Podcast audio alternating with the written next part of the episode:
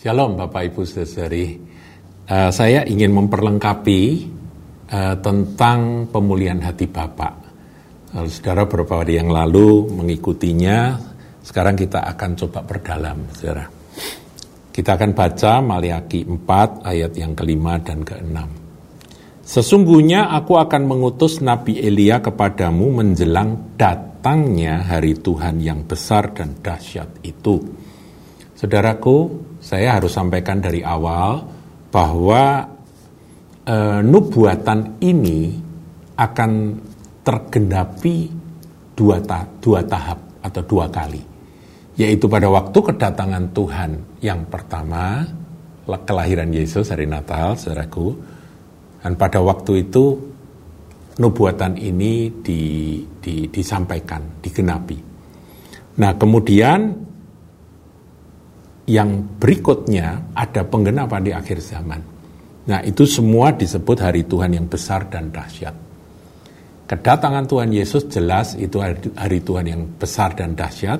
Kedatangan Tuhan kali yang kedua di akhir zaman itu juga adalah hari Tuhan yang besar dan dahsyat. Dan sebelum hari Tuhan yang besar dan dahsyat itu akan ada pelayanan Elia. Nah nanti dijelaskan di perjanjian baru bahwa itu adalah roh Elia.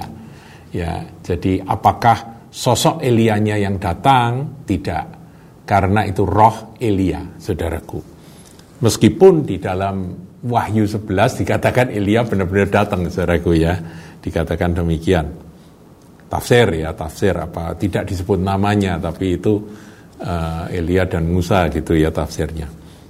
Nah kita lebih ke cenderung untuk menangkap bahwa spirit of Elijah ini ya roh dari Elia ini. Ayat 6, maka ia akan membuat hati bapak-bapak berbalik kepada anak-anaknya dan hati anak-anak kepada bapak-bapaknya supaya jangan aku datang memukul bumi sehingga musnah. Saudaraku, bumi akan hancur, kerusakan akan terjadi, bahkan musnah istilahnya mengerikan, dan ini menutup akan perjanjian lama kita, yaitu ketika pemulihan hati Bapak itu tidak terjadi. Jadi kita harus menangkap ini dengan serius ya. Bagi Anda yang adalah bapak-bapak secara jasmani maupun bapak-bapak secara rohani, ini adalah firman untuk kita semua. Kita harus berdoa dan menangkap kebenaran ini dan menyambut akan tugas ini untuk kita bergerak bersama-sama. Tuhan pulihkanlah hati Bapak sehingga hubungan Bapak dengan anak, baik jasmani maupun rohani, itu dipulihkan. Nah, dimulai dari siapa? Dari Bapak. Karena di situ dikatakan, maka ia akan membuat hati bapak-bapak berbalik kepada anak-anaknya. Jadi bapak dulu yang berbalik, bukan anak dulu yang berbalik. Ada bapak-bapak yang kecewa pada anaknya, dia mikir bahwa sudahlah hilang-hilang dok siji gitu ya. Itu ada yang seperti itu, saudaraku, hilang-hilangan dok siji atau hilang-hilangan satu telur. Tidak demikian saudaraku. Hati Bapak harus kembali. Hati dulu saudaraku. Saya katakan hati. Hati Bapak. Harus kembali pada anak. Dan itu nanti diikuti dengan tindakan-tindakan pemulihan. Anak sering kecewa kepada ayahnya. Anak sering terluka oleh sikap langsung maupun tak langsung atau perkataan yang dimaksudkan atau tidak dimaksudkan, tapi sering kali anak terluka oleh ayah. Sebab itu anak-anak yang terluka ini harus disembuhkan. Tapi kesembuhannya harus dimulai dari bapak. Sebab bapak pun juga banyak yang kecewa sama anak. Berharap anaknya demikian, ternyata tidak. Berharap anaknya taat, tapi tidak taat. Berharap anaknya rohani, tapi tidak rohani. Sehingga hati orang tua, hati ayah ini menjadi terluka atau kecewa. Nah, bagaimana saudaraku? Mari izinkan apa yang disebut dengan roh Elia yang memulihkan hati Bapak itu bekerja atas kita. Itu roh kudus, saudaraku. Roh kudus di akhir zaman yang secara spesifik disebut pelayanan roh Elia. Kenapa? Karena ketika kita melihat penggenapannya, yang pertama saudaraku ya, penggenapan yang pertama yaitu ketika Yohanes Pembaptis itu lahir. Nah, kita akan lihat uh, nubuatan dari malaikat kepada Sakaria di ayat yang ke-17 dari Injil Lukas 1. Saudara, kita tahu ya, Sakaria di masa tuanya dia dikunjungi malaikat ketika dia melayani di rumah Tuhan dan firmannya disampaikan bahwa istrinya yaitu Elizabeth akan mengandung dan supaya diberi nama Yohanes. Nah, kita lihat saudaraku di ayat yang ke-17. Dan ia, yaitu Yohanes, akan berjalan mendahului Tuhan. Mendahului Tuhan. Tuhan di sini adalah Tuhan Yesus. Dan memang benar, pelayanan Yohanes itu mendahului pelayanan Tuhan Yesus. Dalam roh dan kuasa Elia. Nah, inilah yang disebut dengan roh dan kuasa Elia untuk membuat hati bapak-bapak berbalik kepada anak-anaknya hati bapak-bapak berbalik pada anaknya. Saya ulang lagi, bapak berbalik pada anak-anaknya dan hati orang-orang durhaka kepada pikiran orang-orang benar.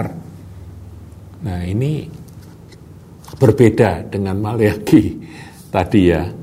Maliaki tadi itu kan katakan eh, empat ayat yang keenam hati bapak berbalik kepada anak dan hati anak kepada bapak. Tapi yang kedua ini bukan hati anak. Di, di dalam Injil Lukas 1 ayat 17 itu bukan hati anak, tapi orang-orang durhaka. Jadi sudah sampai pada anak-anak yang sudah durhaka, saudaraku. Kemarin saya sampaikan bahwa kalau durhaka itu memang predikat yang biasanya disematkan pada anak, ya anak yang memberontak terhadap orang tua, anak yang uh, tidak menghormati orang tua disebut anak durhaka, ya kan? Nah, yang durhaka ini nanti akan berbalik, hatinya akan berbalik kepada pikiran orang benar, orang bijak.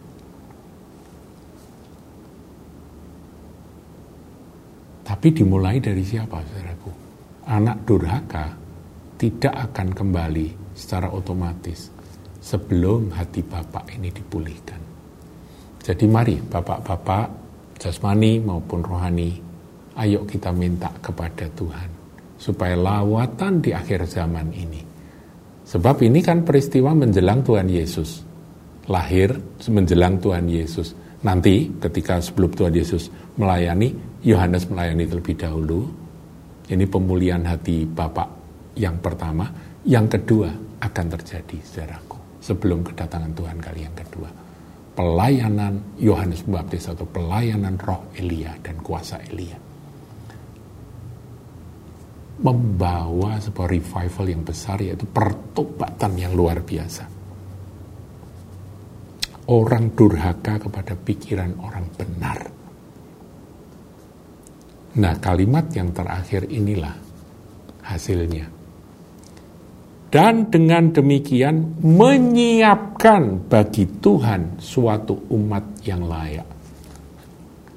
Umat Tuhan menjadi umat yang layak di hadapan Tuhan ketika hati Bapak berbalik kepada anak-anak.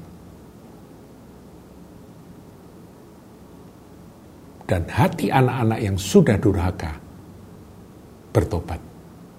Saudaraku, pemulihan ini indah. Indah sekali. Dan inilah yang akan terjadi dan sedang terjadi menjelang kedatangan Tuhan kali yang kedua. Mari siapkan diri kaum bapak untuk memiliki hati bapak. Mengapa Tuhan Yesus ketika datang dia selalu memperkenalkan kepada murid-muridnya, Bapamu yang di sorga, berdoalah Bapa kami yang di sorga, karena memang itu yang harus dipulihkan. Berkenalan dengan kasih Bapa. Dan orang yang menjadi bapak-bapak akan punya hati bapak kepada anak-anaknya. Dan anak-anak akan mendapat pengayoman, mendapat damai sejahtera, dan memperoleh menerima kasih dari Bapa Surgawi. Saudara, saya pernah mendengar akan sebuah kesaksian dari seorang hamba Tuhan. Ya, di tahun 80 pada waktu ada sebuah KKR saya mendengar seorang hamba Tuhan dari Youth Automation. Dia menceritakan bagaimana ada seorang anak perempuan. Ini kejadian di Hawaii saudaraku ya. Anak itu uh, waktu konseling dia bercerita bahwa aku bertobat menerima Yesus dan aku mengalami kelahiran baru aku berdoa aku memanggil nama Bapak aku tidak bisa doa Bapa kami dia tidak bisa ucapkan Bapa kami yang ada di dalam surga. Macet. Padahal dia Kristen, padahal dia sungguh-sungguh cinta Tuhan dan dia melayani Tuhan. Dia sudah mengalami perjumpaan dengan Tuhan Yesus. Dia sudah diselamatkan, tapi ada ganjalan. Dan waktu ditanya ada peristiwa apa, dia lupa.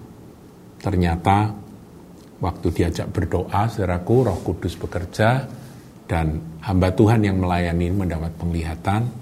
Dia kaget sekali dengan penglihatan itu karena dia melihat ada seorang laki-laki sedang memutar akan memegang rambut, rambut panjang dari seorang anak kecil, anak perempuan kecil, dan itu diputar begini. Itu penglihatan itu begitu mengerikan dan begitu jelas sampai hamba Tuhan ini langsung bertanya, aku kok dapat penglihatan yang menakutkan seperti itu. Apa artinya? Ya, ketika anak gadis yang yang tidak bisa berdoa kepada Bapak di surga itu mendengar akan penglihatan itu disampaikan, dia seketika dia kaget dan dia menangis, kemudian dia berkata, aku ingat. Waktu aku umur 8 tahun, ayahku yang mabuk datang ke rumah dia dalam kondisi setengah sadar, dia memukul akan mamah, ya jadi mamah jerit-jerit, ketakutan, dan dia, si gadis ini waktu itu umur 8 tahun, mencoba membela mamahnya. Dia mencoba untuk memisahkan akan ayahnya yang sedang mabuk itu sedang menghajar mamahnya. Dia mencoba menengahi dan yang terjadi seperti itu. Rambutnya dijambak, dan dia dilemparkan ke tembok sampai dia terbentur dan pingsan.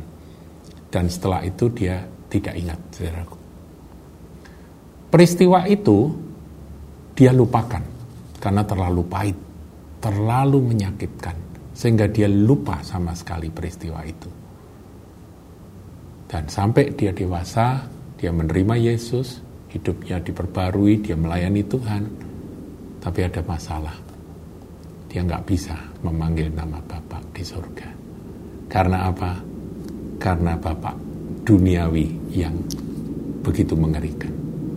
Saudaraku, inilah kehancuran yang terjadi ketika bapak-bapak tidak berfungsi sebagai ayah yang benar, yang seharusnya menjadi seperti bapak di surga yang mengasihi. Saudaraku, mari kita bertobat.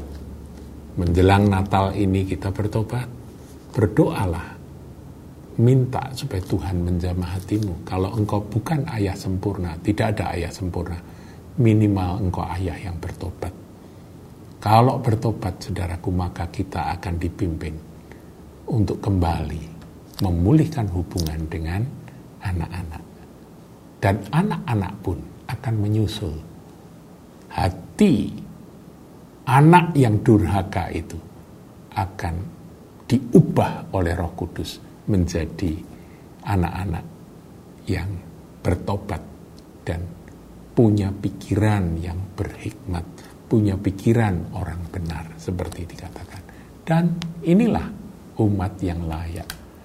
Dunia ini sedang menuju kehancuran, tetapi gereja Tuhan menuju pada pemulihan yang sempurna dan menyiapkan akan umat yang layak bagi dia. Tuhan Yesus memberkati.